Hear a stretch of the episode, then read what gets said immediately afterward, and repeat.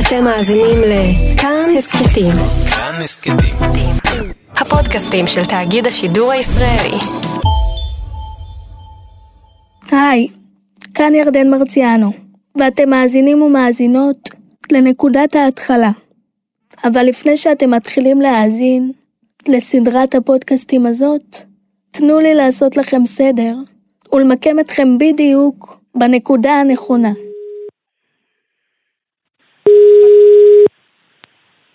הלו, שלום, אני יכולה דקה מזמנך? דברי.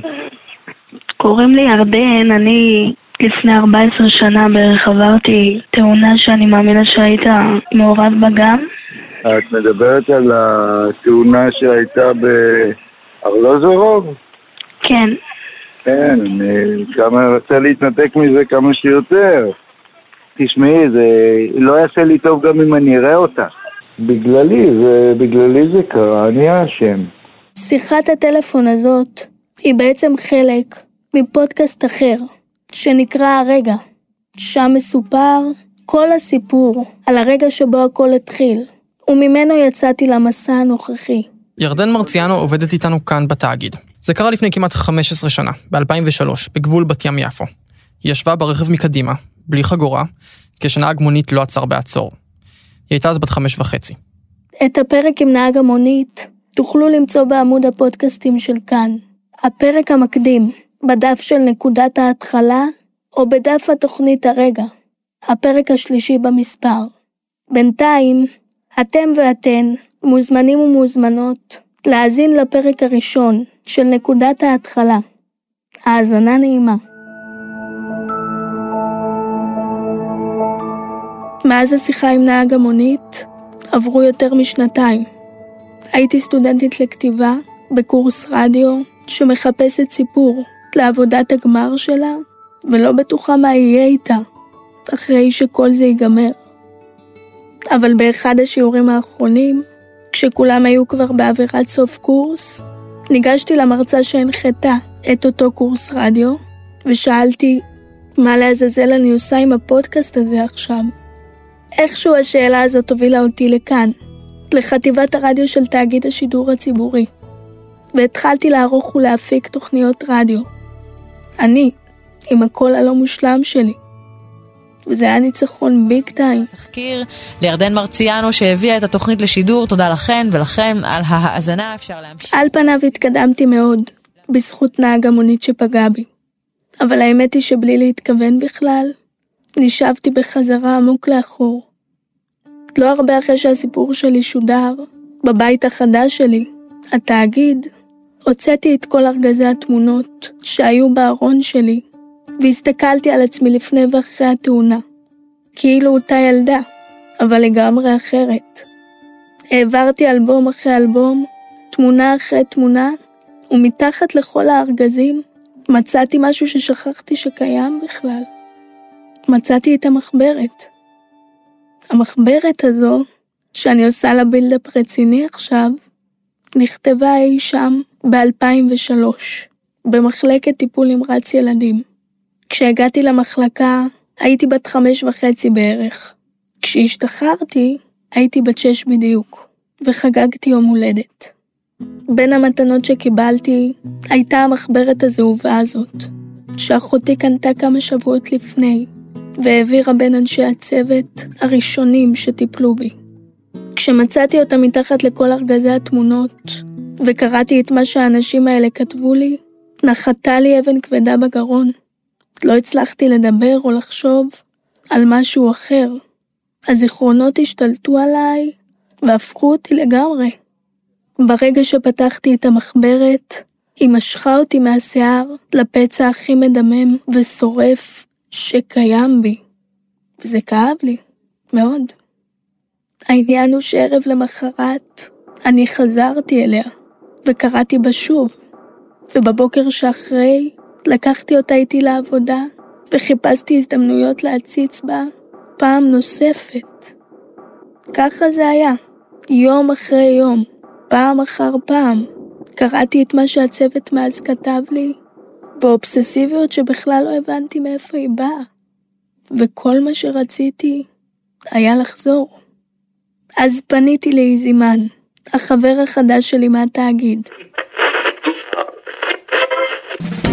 המדור לחיפוש קרובים עם איזי מן. שלום ירדן מרציאנו. שלום איזי. סיפרתי לו את כל הסיפור, וביקשתי את עזרתו באיתור אחת הדמויות הבולטות מהמחברת. עברתי תאונת דרכים לפני 15 שנה, אה, תאונת דרכים שאחריה הייתי מאושפזת אה, חמישה חודשים אה, במחלקת טיפול נמרץ ילדים בתל השומר. ועם השחרור שלי, אחותי עשתה לי מחברת כזאת שהצוות כתב לי בתוכה.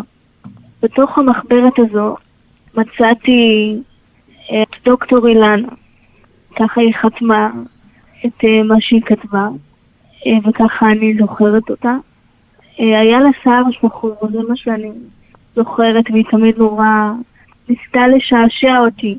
הייתי ילדה קשוחה כזאת בעצם המצב, ויש לי זיכרון מאוד מאוד חזק ממנה, שמצד אחד היא הייתה מציקה לי בכל מיני אה, טיפולים ודברים אה, הכרחיים להחלמה, ומצד שני היה בה משהו מאוד אמהי, שתמיד ניסה להעלות אצלי חיוך. 22 ביוני 2003. לירדן חביבתי, אני מאחלת לך המון כיף במחלקת שיקום. רק אל תשכחי את כל הפרצופים שלימדתי אותך ואת נשיקת הדגים המיוחדת שלנו. למרות שהצגתי לך בלי סוף, עשיתי זאת מאהבה ודאגה. דוקטור אילנה. כשיצאתי לחיפוש הזה וקראתי מחדש את מה שדוקטור אילנה כתבה, זה נשמע לי כמו בקשה להתנצל ולהסביר. למרות שהצגתי לך בלי סוף, עשיתי זאת מאהבה ודאגה. הסתובבתי עם המשפט הזה בראש במשך ימים, ועדיין כאב לי נורא. אבל בו זמנית רציתי להיאחז שוב בעובדה הזו, שהייתה בלתי ניתנת לערעור אז. היו סביבי המון אנשים שבאמת היה להם אכפת, ודוקטור אילנה הייתה אחת מהם. אני לא זכרתי את שם המשפחה שלה, בגלל זה צוות המתנדבים של המדור התקשה באיתור, אבל העובדה שלא שכחתי אותה, למרות ההיכרות הקצרה שלנו, הייתה משמעותית בעיניי, ורציתי למצוא אותה. אולי כדי לשמוע שגם היא לא שכחה אותי. כמה ימים אחרי הבקשה במדור, קיבלתי שיחת טלפון. זה היה איזי, המגיש. הלו. ירדן. היי איזי. היי, תשמעי, הגיע עכשיו איזשהו מידע. כן. מדברים על uh, רופאת ילדים או רופאת גסטרו בתל השומר שקוראים לה אילנה ויינטרוב. פשוט שווה לבדוק את המידע הזה אם זאת היא שאת מחפשת. לא האמנתי שנצליח כל כך מהר. כתבתי אילנה ויינטרוב בגוגל, ומצאתי את הפרטים שלה ותמונה. היה לה שיער שחור, שזה סימן טוב, זה כמו שזכרתי, אבל אני לא לגמרי זיהיתי. אז חייגתי למשרד שלה, והמזכירה שענתה אמרה, לא, מאמי, בטיפול נמרץ ילדים דוקטור ויינטרופ לא עבדה. לא, מצטערת. אז התבאסתי. ממש התבאסתי. והאמת שלא האמנתי שנצליח לאתר אותה. אבל אז התקשרתי לאחותי.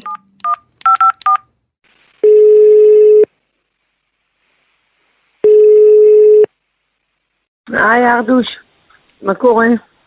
טוב, מה את עושה? כלום, בבית. אני מחפשת את דוקטור אילנה, ואני מנסה להיזכר בשם משפחה שלה. את לא זוכרת? דוקטור אילנה מהטיפול נמרץ? כן. אני זוכרת שלפני כמה שנים ראיתי אותה בתוכנית בוקר. אם אני לא טועה, אז היא דיברה על רטלין אה, בקרב ילדים, עם אה, בעיות של קשב וריכוז, משהו כזה. אז פתחתי את המחשב, נכנסתי ליוטיוב וכתבתי בשורת החיפוש דוקטור אילנה, תוכנית בוקר. דוקטור אילנה, רופאת ילדים. דוקטור אילנה, הפרעות קשב וריכוז אצל ילדים. מצאתי. שלום אה, לדוקטור אילנה רייט. בוקר טוב. ואת מאבחנת ומטפלת בהפרעות קשב וריכוז בלאומית שירותי בריאות. נכון, רק שאני מאבחנת ומטפלת בילדים או באנשים עם הפרעות קשב וריכוז. אני לא מאבחנת ומטפלת בהפרעה. אוקיי. זאת הייתה היא, עם השיער השחור והפנים שזכרתי. שם המשפחה שלה הוא רייט. כתבתי לאיזי ולצוות, ואחרי כמה דקות, אחד מהם כתב לי את המייל הבא. 1 ביוני 2018 שלום ירדן, איתרתי את אילנה רייט ובעלה אופיר ברעננה. היא עלתה מברית המועצות ותהיה בת 53 בעוד שלושה ימים. בברכה מנחם.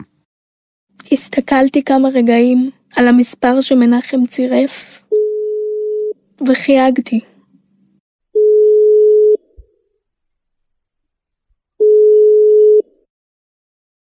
הגעתי לדוקטור אילנה רייט. נכון, שלום. אני יכולה כמה שניות? או כן. שזה לא זמן טוב? לא, לא. נדמה לי שאנחנו מכירות מאיזה תקופה אחרת בחיים. קוראים לי ירדן, אני לפני 15 שנים כבר אה, עברתי תאונת דרכים והייתי מאושפזת במחלקת טיפול נמרץ ילדים בתל השומר. וואו, וואו, ירדן. את זוכרת אותי? בטח, בטח. הגענו ביחד לטיפול נמרץ עם פציעה קשה, נכון?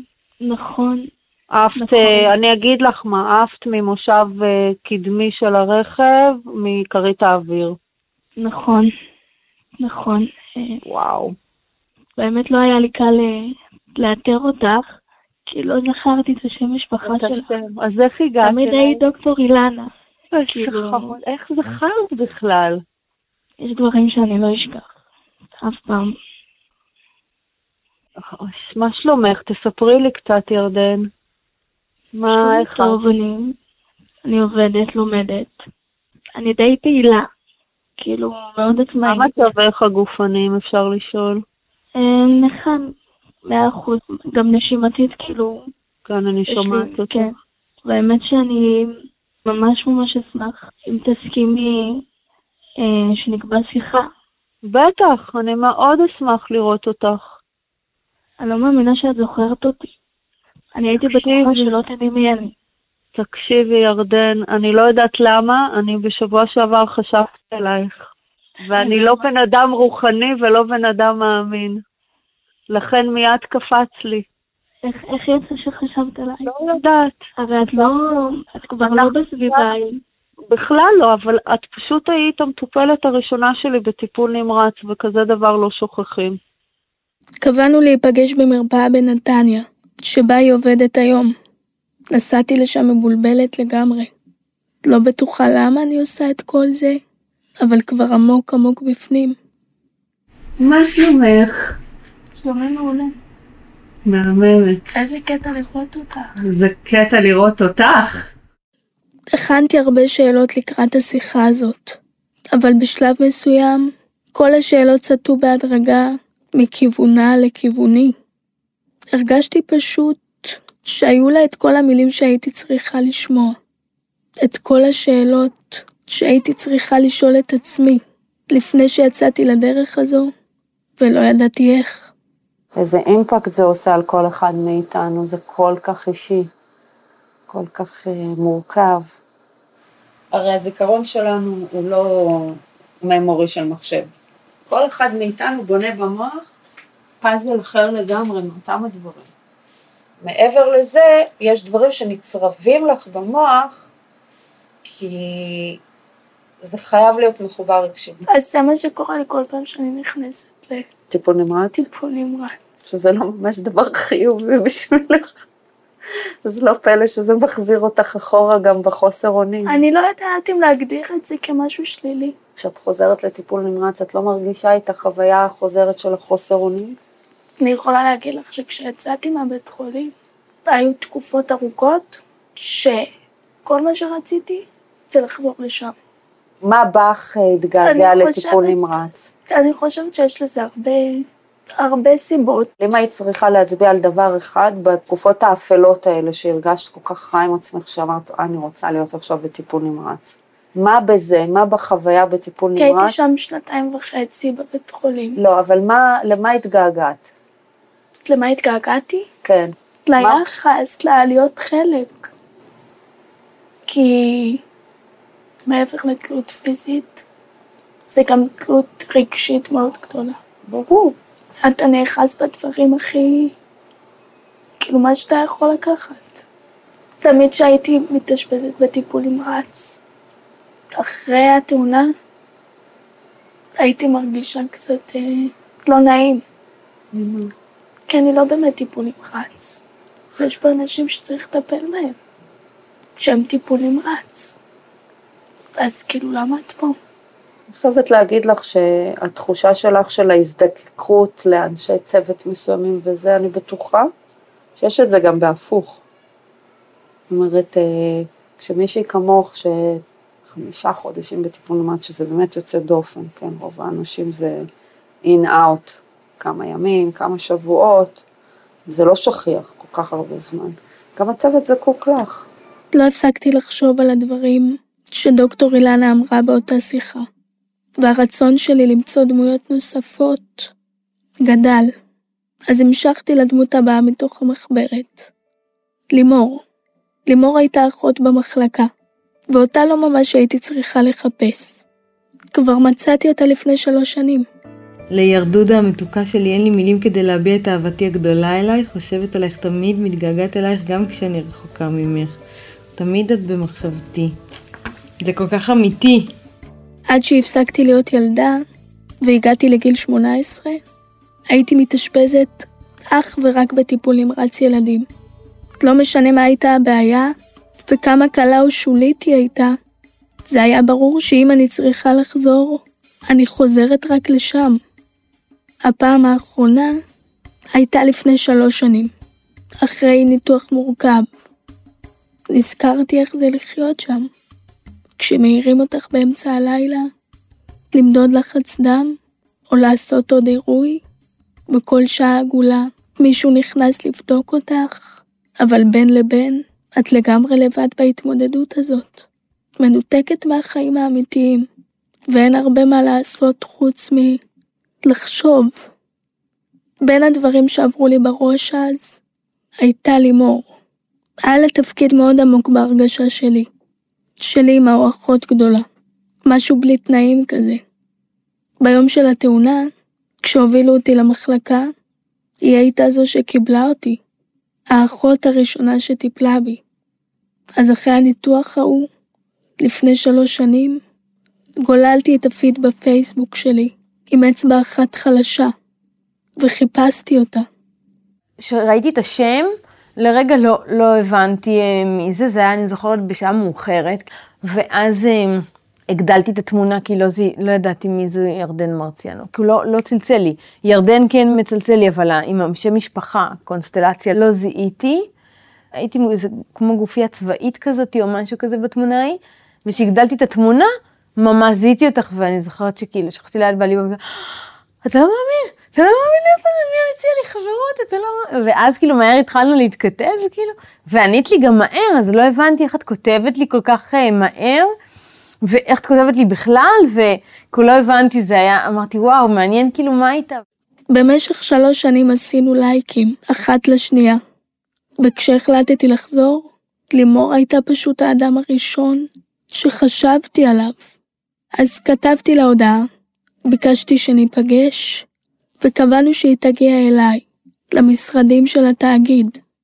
רציתי לשאול מה היא זוכרת, לנסות להבין מה היה שם שהשאיר עליי שריטות גם 15 שנים אחרי, ולמה אני עדיין אובססיבית לתקופה ההיא.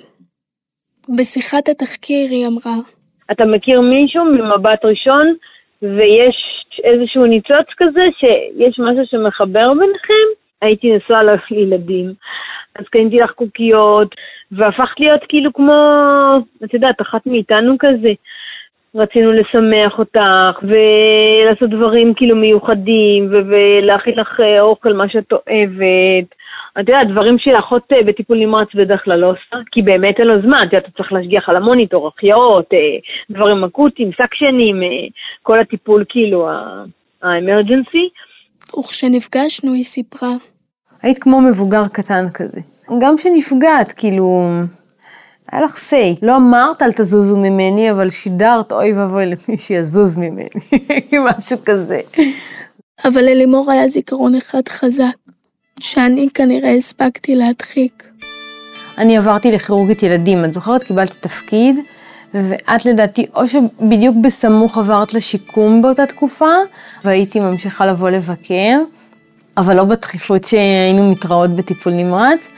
אני זוכרת אירוע מאוד אה, מקונן ככה, אצלי לפחות, שזכרתי את יום ההולדת שלך, זכרתי את התאריך ובאתי לך עם בלון גדול כזה, להפתיע אותך, וקניתי לך עוד איזה משהו, אני לא זוכרת, ובאתי למחלקה, ואורטל קראו לאחותך, נכון? המטולטלת. כן. אז היא אמרה לך, ירדני, ירדני, תסתכלי מי בא לבקר אותך. ואז את הסתובבת וראית אותי, וסובבת את הראש. את זוכרת את זה? לא? וואו. ומאוד כעסת עליי, כי כנראה לא באתי לך הרבה זמן, והבטחתי שאני אבוא אחרי טיפול נמרץ ושאנחנו ניפגש, ואני הייתי תקועה בתפקיד החדש וזה ולא היה לי זמן, ואז השארתי את הבלון קשור וזה, ואחותך אמרה לי, היא קצת עצובה, עזבי אותה וכאילו, אל תקחי את זה אישית. ווואי, ממש נחמץ לי הלב. ואחר כך היה עוד איזה פעם שבאתי ואת לא היית והשארתי לך מכתב.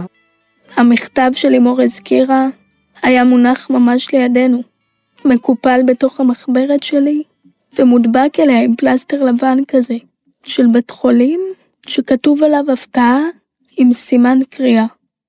קראתי אותו בכל הפעמים שפתחתי את המחברת, ולא היה לי מושג שזה היה הרגע שבו הוא נכתב. זה המכתב שלי, נכון? אני מזהה תחתיו, רגע, אני אסתכל. וואי. לירדודה, נכון, הייתי קוראת לך ירדודה, אברדודה. באתי לבקר ולאחל לך שנה טובה ומתוקה, הלכת לאכול, קובבה על האש, אז אני מוסרת לך ולמשפחתך המון נשיקות, חיבוקים, איחולים לחג שמח ושנה מתוקה וטובה. אוהבת מאוד מאוד לימור, טיפול נמרץ ילדים, ותבואי לבקר. ואז השארתי את המכתב, וכשראיתי שכאילו לא באת אליי חזרה ולא זה, אז הבנתי שאת לא רוצה שאולי נתראה עוד פעם שאת כועסת עליי. אני, אני הלכתי עם זה המון שנים, כי כעסתי על עצמי. כעסתי על עצמי שאכזבתי אותך, ש... שאולי לא עמדתי בהבטחה שלי, שאולי לא באתי אלייך מספיק, שאולי לא הייתי בסדר. אז אה, זה ממש אירוע שאני זוכרת אותו. אני לא יודעת איך לא זכרתי את זה. זו כאילו חתיכת פאזל שמסבירה קצת את הסריטה שלי. בלהתקרב לאנשים. והפרידה כל פעם מחדש, זה כאילו, זה, זה לא היה מקום אחד להיות כן. בו, או אדם אחד שאת או... נותנת בו אמון שיטפל בך ושתכעסי בפניו. את גם היחידה שבסוף באה לבקר. טיפול נמרץ השאירה עליי סימנים ברורים, אבל כנראה שגם עליה.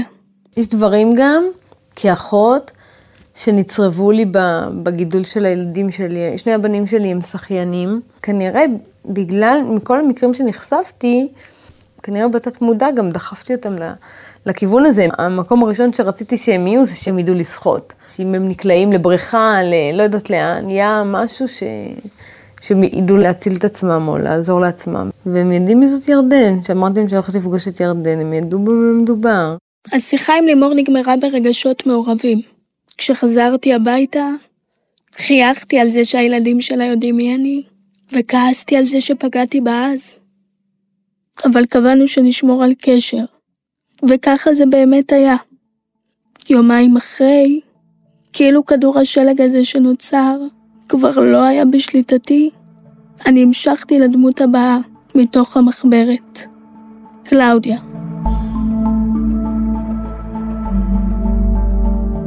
תשעה ביוני 2003. ירדני המקסימה, גם כשאני רחוקה אני חושבת על החיוך המקסים שלך, המבט האוהב והמבין, על הרצון שלך להתחזק ולהבריא. אנחנו לא נפרדות, גם כשאני רחוקה. אני מאוד מתגעגעת ונתראה בקרוב. ביי. קלאודיה. קלאודיה גם הייתה אחות במחלקה. היא חתמה את מה שכתבה לי במחברת עם שם המשפחה שלה, ככה שהצלחתי למצוא אותה די בקלות. באמצע יום עבודה מצאתי את המספר שלה וכתבתי לה הודעה. להודעה הזאת צירפתי תמונה מיום ההולדת השישי שלי. בתמונה קלאודיה, אני ושני הבנים שלה. בבוקר שלמחרת היא התקשרה. אני כל הזמן שואלת לי שלומך, איך את, ברוך השם הרבה שנים לא התאשפזת, אני מוסרת לך דשים, אני שואלת על אימא שלך, אני זוכרת את האחיות שלך, זוכרת אותך מעולה, חושבת עלייך לא מעט. קבענו להיפגש בגינה ציבורית, במושב שבו היא גרה, ובדרך לשם דפק לי הלב ממש. כשירדתי מהאוטו, קלאודיה חיבקה אותי חיבוק. אני לא זוכרת מתי בפעם האחרונה מישהו חיבק אותי ככה.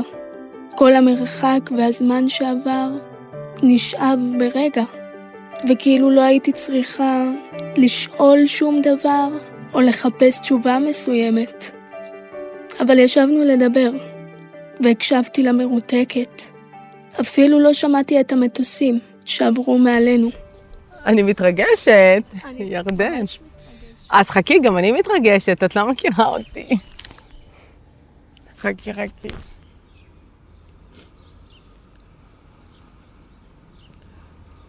אני לא הבאתי טישו, את רואה? את יודעת, דרך אנשים...